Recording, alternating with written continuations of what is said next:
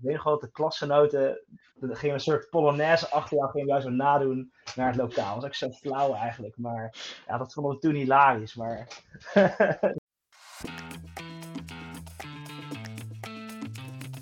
Welkom bij de podcast Mijn Eerste Mentorklas 15 jaar later. In deze podcast neem ik, Wim Pelgrim, je mee terug in de tijd. Naar 2008, toen ik mentor werd van klas 1H op het Canisius College in Nijmegen. Hoe is het die 30 leerlingen van toen vergaan? Wat doen ze nu? En hoe heeft hun leven zich verder ontwikkeld? En hoe heeft de middelbare school daaraan bijgedragen? En wat heb ik als mentor daaraan kunnen bijdragen? Aflevering 13, Wessel. ik eh, ben dus Wessel eh, en ik eh, woon in Rotterdam eh, met wat vrienden. Na de Clinisch College ben, heb ik gestudeerd eh, aan de TU Delft. Eerst heb ik een jaar civiele techniek gedaan, maar dat vond ik niet echt leuk. En het had voornamelijk te maken, je was heel erg met projecten bezig, eh, maar dan ga je het ook niet uitvoeren. Dus dat vond ik heel erg onvoldoende. Dus toen ben ik na een jaar geswitcht naar werktuigbouwkunde. En dat vond ik veel leuker. Eh, want leuker bij werktuigbouwkunde is ook dat je eh, ja, je bent iets aan het ontwerpen, vervolgens ga je het ook uitvoeren en kijken of het ook werkt. En ja, dat vond ik erg leuk. Dus het is heel erg blij geweest met die beslissing toen de tijd. En uiteindelijk gaan masteren ook in de track Multi-Machine Engineering, want werktuigbouwkunde is heel breed, dus dan moet je ook een eigen specialisatie eh, gaan kiezen. Eh, Multi-Machine Engineering is, ehm, het is eigenlijk de, de meer van de transportsector. Dus je bent wel eh, nog heel technisch bezig, maar gaat voornamelijk eigenlijk over, ja, bijvoorbeeld de haven van Rotterdam is natuurlijk een bekend voorbeeld. Stel er komt een container aan, hoe gaat die container zo snel mogelijk van A naar B? Want die container moet opgetild worden, gaat naar de haven en vervolgens moet die weer op een binnenvaartschip ofwel een, eh, een vrachtwagen gezet worden. Dus je bent heel erg bezig met dat soort systemen ontwerpen. Je zei net eh, eh, vlak van tevoren dat je een, ja, van de week bent gestart met je nieuwe baan. Waar werk je inmiddels? Ja, ik werk nu als cost engineering consultant. Tenminste, ik ben nu een trainee, dus die traineeship duurt tussen de 1 en 2 jaar. Dat is eigenlijk meer de financiële kant achter de techniek. Dus ehm, ik ben na mijn studie me heel erg gaan verdiepen. Ik de techniek, wat, je, de meesten ook wel doen, die gaan iets verdiepen. Maar ik wilde eigenlijk na mijn studie eigenlijk weer meer de breedte op. Want dat heb ik ook al op de middelbare school gedaan, bijvoorbeeld. Ik had een heel breed vakkenpakket uiteindelijk in, mijn- in de bovenbouw.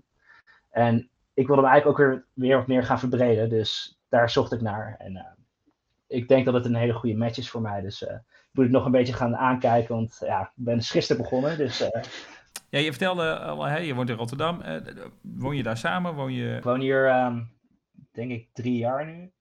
Ja, ik heb eerst gewoon in Delft gewoond. eh even kijken, zeven jaar lang, denk ik, zes jaar lang. Eh, en wat eigenlijk de meeste mensen in Delft doen als ze eh, gewoon gaan masteren, gaan ze naar Rotterdam verhuizen. Omdat het toch wat serieuzer is. Delft is een beetje een studentendorp waar iedereen elkaar kent. En waar ook al veel overlast is van studenten door de week. Dus als je op een gegeven moment dat serieus wil gaan studeren, dan vliegt men uit naar Rotterdam. En er is gewoon veel meer te doen. Tenminste, Delft is een hele leuke stad om gewoon op het terras te zitten. Dat kan Rotterdam weer minder goed. Maar Rotterdam, je hebt gewoon veel meer faciliteiten, veel meer ja, clubs, eh, kroegen. ehm. het, het is wat dat betreft wat volwassenere stad dan, dan Delft. Maar ik kom nog steeds vaak in Delft hoor. Mijn vriendin woont daar, dus eh, ik ben er nog wel vaak te vinden. En eh, ben je ook van plan om in Rotterdam te blijven? Of heb je nog ka- kans dat je weer terug gaat richting Elst? Nou, ik, heb niet zoveel met Elster. Het is een fijn dorp. Maar ehm, ik, ga, ik kom nog wel graag terug in Nijmegen. Eh, we hebben ook een vriendengroep van de middelbare school die ik nog in ieder geval elke maand wil zien. Dus daarvoor ga ik ook wel vaak terug. En ik merk wel, ik kom thuis als ik in Nijmegen thuis kom. Dus dat heb, gevoel heb ik wel. Dat heb ik niet per se met Rotterdam. Eh, dus wat mij betreft zou ik wel weer terug willen naar Nijmegen. Maar ja, it takes two to tango. Dus het is ook kijken waar je gaat werken wat je vriendin wil. En dus wat dat betreft Ja, eh, is het geen uitgemaakte zaak. Maar ik, ik, ik vind ook de mentaliteit van, van Nijmegen toch weer het wat Bourgondische ten opzichte van de Randstad. Dat vind ik wel heel fijn. Dus, Ja. dus het is geen eh, uitgemaakte zaak dat ik niet meer terug ga. Dus, eh, Ja. Ik ga eens eventjes kijken hoe jij jezelf eh 15 jaar geleden hebt voorgesteld. Ik ben Wessel Mercedes. Ik woon in Elst. Ik zit naast Harry. Mijn hobby is voetbal en gitaar spelen. Ik vind het wel een leuke school. Hij is wel groot. En ik, vind- ik heb ook een leuke klas. En de mentor is wel leuk. wat een jochie. Ik, ik weet dat ik een heel drukke jongetje was toen de tijd. Dus eh, ik denk dat ik een, ja, ik was niet de fijnste leerling voor jou, laat ik het zo zeggen, denk ik. Maar nou, die energie, dat zie je. In het, hè, dat, luisteraars zien het filmpje er niet bij, maar je staat ook druk te gebaren en te doen. En ook de toon van hè, die mentor, je moest iets erover zeggen. Ah, die is ook wel leuk, maar dan maak je er een soort grapje van. Ik herinner me jou ook wel echt als iemand die van heel veel dingen een grapje probeerde te maken, of toch de leukste probeerde te zijn. Ik weet niet of ik heel veel wat dat betreft ben veranderd, maar in ieder geval wel wat rustiger geworden dan toen. Dus dat is in ieder geval uh, ook fijn. Maar uh, nee, ik ben nog steeds wel grappenmaker, denk ik. Dus... Uh, en is dat, is dat gewoon omdat je heel grappig bent? Dat kan natuurlijk. Of is dat ook een stukje soms, zeker op zo'n ongemakkelijk moment als dat er een camera op je snuffert staat, dat je dan jezelf een houding probeert te geven? Nee. Nee, ja, ik, ben, ik vind het wel leuk om op camera, tenminste dat vond ik toen heel leuk om uh, in beeld te komen. Dus uh, ja, toen probeer ik altijd een showtje van te maken. Dus uh, dat vond ik altijd wel leuk. Maar ja, nu heb ik het helemaal niet meer hoor. Dus ik heb ook geen social media of iets. Dus wat herinner jij je eigenlijk nog als je zo naar die, aan die brugklas terugdenkt? Ja, niet superveel moet ik eerlijk bekennen. Ik weet nog ja, dat we naar die boot gingen van Martin, heette die man volgens mhm. mij. Daar weet ik nog wel wat vaag van. En ja, ik weet nog wel het nablijven, wat ik redelijk vaak moest doen toen de tijd. Dus uh, daar kan ik nog wat van herinneren. Maar ik weet voornamelijk nog altijd dingen van later op de middelbare. En ik, ik heb altijd een hele fijne tijd gehad op Canisius, dat moet ik wel zeggen. Want nablijven, waarvoor moest jij dan nablijven? Wat voor dingen heb je uitgespookt die wij uh, allemaal nu niet meer weten? Ja, boh. Ik weet het ook allemaal niet meer zo goed hoor. Maar ik was een vaste klant bij de, bij de afdelings... Hoe heet het dat ik weer? De afdelingsleiders waren het volgens mij, waar dan langs moest. En daar had ik eigenlijk allemaal een hele goede band mee, moet ik zeggen. Dus uh, ook omdat heel veel mensen ja, die ken ik via mijn vader bijvoorbeeld, omdat mijn vader daar ook collega van was. Mijn vader heeft natuurlijk ook in het onderwijs gezeten, dus die kennen mij daar ook alweer van. Of dat een klasgenoot van mijn, vader was. Dus ging ik daar altijd over ouwe hoeren en dan waren ze al bijna vergeten waarom ik moest nablijven. Dus heel vaak hoefde ik ook niet meer na te blijven. Nou, kon ik me er zo weer uitpraten, dus dat is wel weer grappig. Maar... Ik herinner me dit niet, maar het verbaast me ook niet. Hè? Dat, dat, wat ik me van jou herinner is dat je inderdaad hè, de, grappenmaker en ook nog wel eens een keertje over de grens of hè, op het moment dat het niet handig was of uh, het, dat, zeker bij docenten waar het um, hè, de, de, de, teugels net wat strakker waren, dan toch gewoon even kijken van hè, als ik nou gewoon een beetje ga rellen, kijk hoe ver we kunnen gaan. Maar ik kan me ook wel voorstellen dat je jezelf er ook wel weer uitgekletst uh, kreeg. Want uh, volgens mij was je in die zin wel een makkelijke prater en dan en ook best een charmante, eh, ehm, charmante clown, zeg maar, van de klas. Dus ehm, ja, er was irritatie, maar dan was het ook wel weer vrij snel ehm, terug te buigen, zeg maar. Ja, kon het heel goed goed maken ook altijd weer. En dan was het dan weer uh, zand erover en kon ik weer doorgaan. Dus uh, ook bij jou in de klas kan ik me niet echt meer herinneren waarom ik er dan ooit aan uit ben gestuurd. Of dat zou ik echt niet meer weten. Misschien weet jij dat wel nog wat wat ik me herinner is vooral iemand die elke keer irritant was tot net precies op de grens. En dan precies ook wist wanneer hij ongeveer moest stoppen, zodat het net niet misging. Um, en, stiekem, en stiekem zijn dat veel vervelendere leerlingen voor de gemiddelde docent. Want dan weet je van, ja, hè, sommigen weet je van iemand misdraagt. Oké, nou heb, ben je over de grens. Um, hè, consequentie. Maar precies zo op die grens gaan zitten pielen. Um, net zolang tot het net goed gaat. Dat is soms nog net irritanter dan, uh, dan echt gewoon uh, iets verkeerd doen.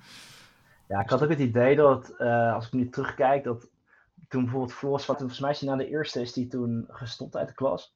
Uh, dat het toen ook wat minder werd bij mij, dat ik ook wat minder druk werd. Omdat er een extra stoorzender uit was, waardoor dat mij ook hielp om wat rustiger te blijven. Maar dat kan me gewoon herinneren. Was jij dan zo beïnvloedbaar? Of was dat gewoon dat je dat heel leuk vond, dat iemand anders ook lekker uh, ging liggen rellen? Toch leuk om samen te, onrust te, te, zaaien, om het zo maar te zeggen.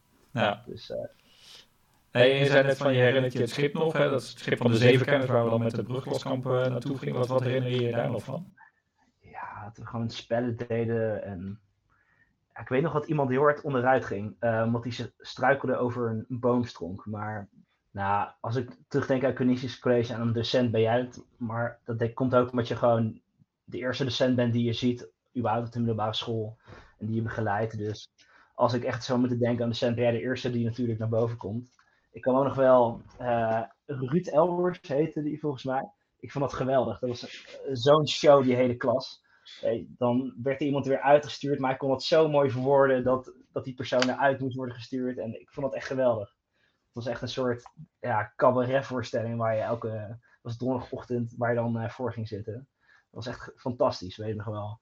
Ja. En, daar, daar, denken sommige mensen anders over. Want sommigen ervaren hem ook wel als wat, wat angstaanjagend of, of um, onvoorspelbaar of uh, beangstigend. Uh, er zijn ook wel dingen die ik wel eens terug heb gehoord. Nee, hij mocht mij heel erg. Dus uh, okay. ik was juist, het was een van die lessen waar ik was, door, was gevrijwaard. Dus ik zat wel altijd dicht bij de deur, maar ik ben er door hem nooit uitgestuurd. Okay. Hij vond het volgens mij veel te mooi dat ik hem echt geweldig vond. Dus daar kon hij wel van genieten volgens mij.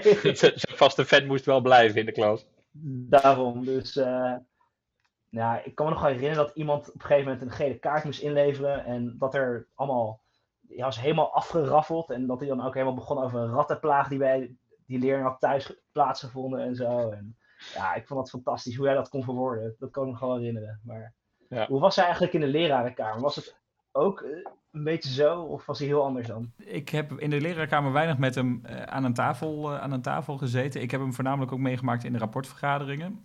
Daar herinner ik me vooral twee, eigenlijk twee dingen tegelijkertijd. Van aan de ene kant dat je af en toe denkt van ja, hè, hij, hij, kon, ook best negatief zijn over sommige leerlingen. Dat je dacht van nou, hè, een beetje, beetje mopperig. Maar aan de andere kant um, had hij ook wel een heel goed oog voor hoe leerlingen in elkaar zaten. Uh, dus je had er soms heel veel aan als, als mentor, omdat je dan uh, hele waardevolle informatie kreeg waarvan je dacht, hé, hey, maar dat is een haakje, dat heb ik nog niet gezien, daar kan ik gebruik van maken om een goed gesprek te hebben of om op verder te pakken. Uh, maar soms ook wel dat je dacht van, ja, hè, het blijven wel kinderen en, en naarmate die ouder werd en richting zijn pensioen ook op een gegeven moment ging, Um, ja, dan neemt soms bij sommige docenten het gemopper wat uh, de overhand. Mijn vader had ook nog les van hem gehad, onder andere. Dus uh, begon hij ook al wat over dat mijn vader ook zijn irritante man was.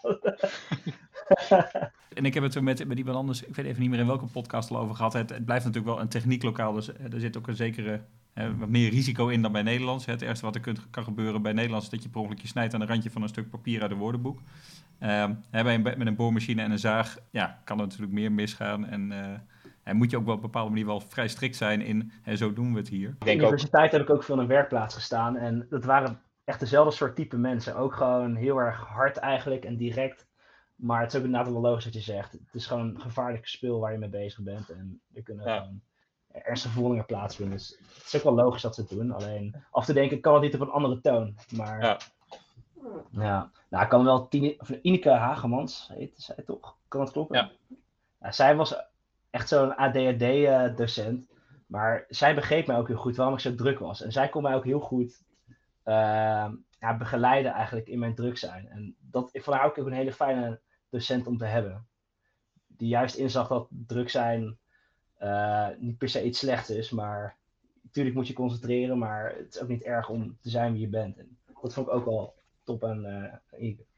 Dus we hadden elkaar in de derde alleen maar. maar. Hoe is het met de Wimpet eigenlijk? Uh, ja, dat, dat, ik wilde daar al over begin. Je, je hebt dat woord inderdaad bedacht destijds uh, voor mijn allereerste.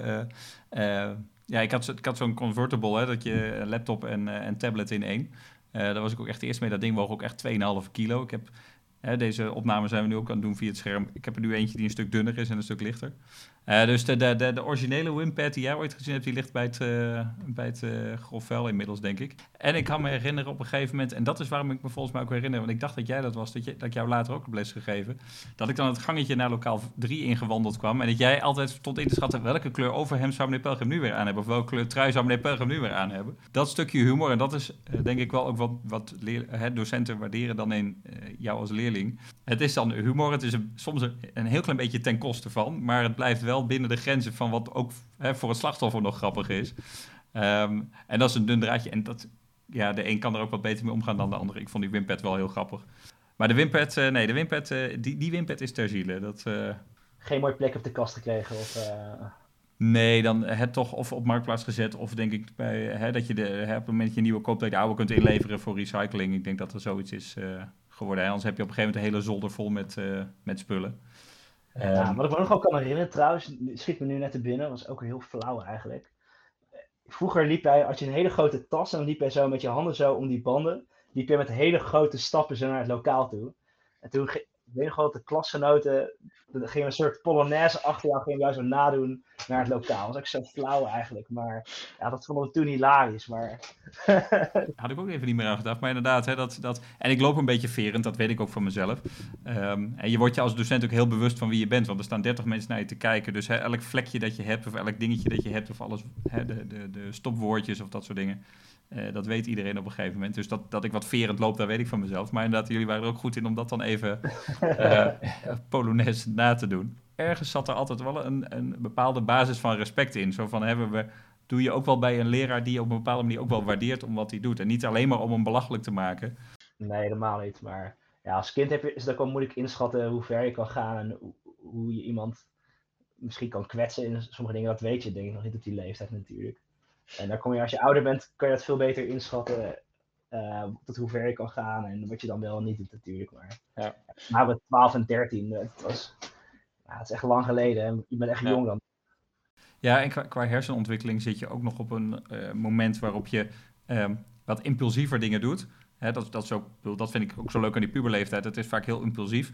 En ook nog niet helemaal inschattend wat zijn de consequenties van mijn gedrag. Hè. Dus uh, je doet iets en dan vervolgens merk je effect en denk je, oh wacht even, dit had het effect ook kunnen zijn, had ik niet bedacht. Ja, weet je, en dan krijg je um, dat er af en toe een herstelgesprekje moet komen of dat je, um, hè, en dan als dat goed gaat, hè, dan praat je met elkaar uit en dan is het opgelost.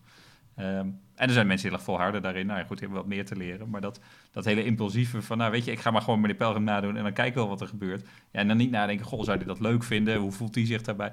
Ja, dat past ook heel goed in die, in die leeftijd, zeker in de onderbouw. Uh, van zijn middelbare school. Als je richting 65 gaat, ja, dan word je langzaam, langzaam, hè, de een wat sneller dan de ander, eh, word je dan volwassen eh, meestal. Ja, ik vond het ook echt bizar om te horen dat je 24 was toen je onze mentor werd. Van wauw, echt, hoe heb je dat aangepakt ook? Het is echt best wel een jonge leeftijd om dan zo'n grote groep jonge kinderen voor je te hebben. Dat is niet niks in ieder geval. Nee, nou ja, hoe pak je dat aan? Um, ten eerste heb je natuurlijk een opleiding gedaan, dat scheelt. Ik bedoel, als ik uh, nu jouw traineeship, uh, als ik daar zou binnenwandelen, dan denk ik ook niet dat ik gelijk door heb wat ik moet doen. Uh, want je, je krijgt natuurlijk bepaalde voorkennis mee. Um, en verder is het vooral ook heel veel, heel veel praten, ook met collega's over de dingen die je doet. Die, die, die, uiteindelijk moet je als docent, je sluit jezelf in een hok op en daar, daar doe je van alles met, met 30 mensen. En hoop je dat dat uiteindelijk leidt tot leren. Um, en dan maak ik hem wel heel klein. Maar aan de andere kant, hè, op het moment dat je die deur weer uitgaat, hè, dan ga je toch in gesprek of met, met, met Wilma Nuijen of met René Heijnen of met collega's van Nederlands. Van ja, hey, ik loop hier tegenaan of ik maak dit mee. Of, um, en in die zin ben ik altijd wel vrij open geweest. Als niet liep, liep het niet. En dan ging ik daar met collega's over in gesprek. En daar leer je een heleboel van. En een keer gaan kijken bij een collega. Je had ook een soort eigen mentor dan? Of? Ja, ik, in het begin, uh, nou, je hebt sowieso een leidinggevende die je beoordeelt. Hè, net zoals in elke baan uh, hè, moet er iemand bepalen of je dat contract wel of niet verdient. Maar ik heb ook eens de coaching gehad van Desiree Heijnen op een gegeven moment. Die heeft mij een jaar gecoacht. En ook in zo'n mentorenteam. Hè. Ik, ik doe dingen voor het eerst. En dan heb je een Jacques Wanders die al voor de zoveelste keer zo'n klas doet. En een Mark Ras die in de, in, in de andere mentorclub zat. Ehm, ja, daar kun je best veel van leren. En die geven je tips uh, van hoe, hoe, zorg je dat uiteindelijk iedereen slaapt op een brugklaskamp. Of uh, hoe voer je nou een mentorgesprekje. En, hoe ga je met die ouders om die, uh, hè, waar je soms ook wel of niet een makkelijker of moeilijker gesprek mee hebt. Dus ja, het is vooral hè, van, van de meesters om je heen leren totdat je het zelf ook kan. Ja, en inmiddels zit ik alweer zo lang in het vak dat er weer mensen zijn bij wie ik af en toe of moet mee beoordelen of die hè, een opleiding aan het doen zijn, dat ik mee kan kijken in, in werkstukken die zij gaan inleveren. Dus dat, uh, ja, dat verschuift een beetje. En op een gegeven moment ja, word ik ook zo'n oude zeur als ik tegen mijn pensioen loop, denk ik.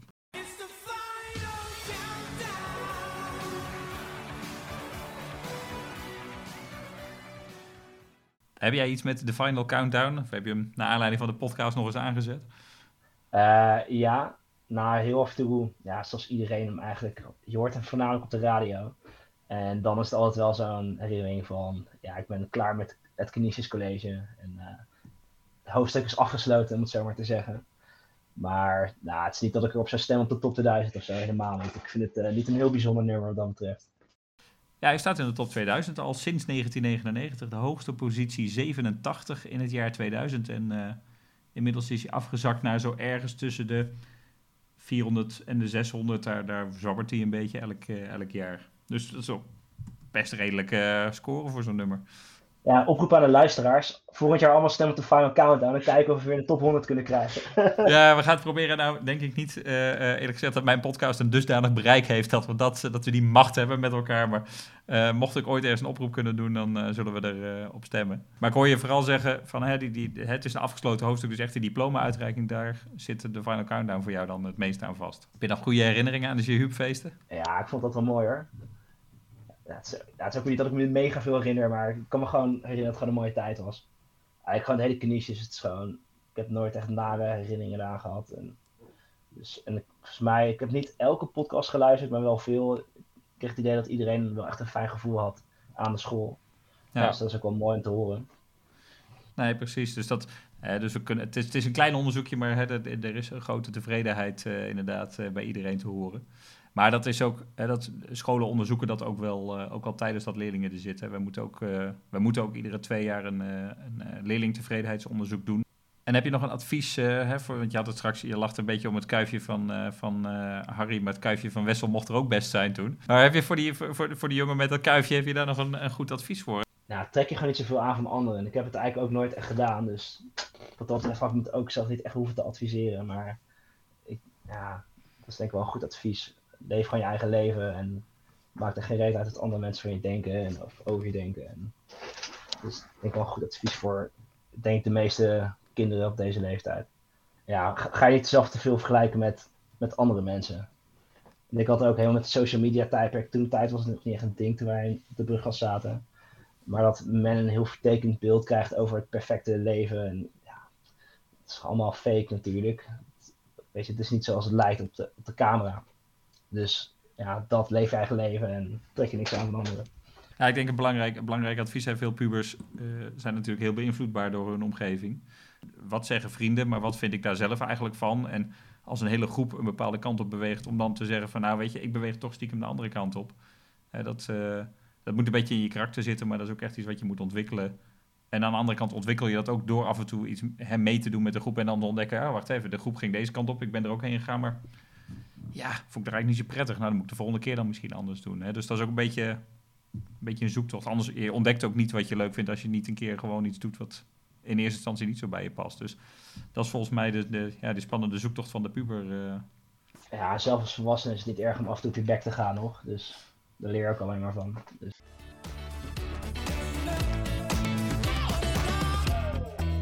Wil je alle gesprekken horen?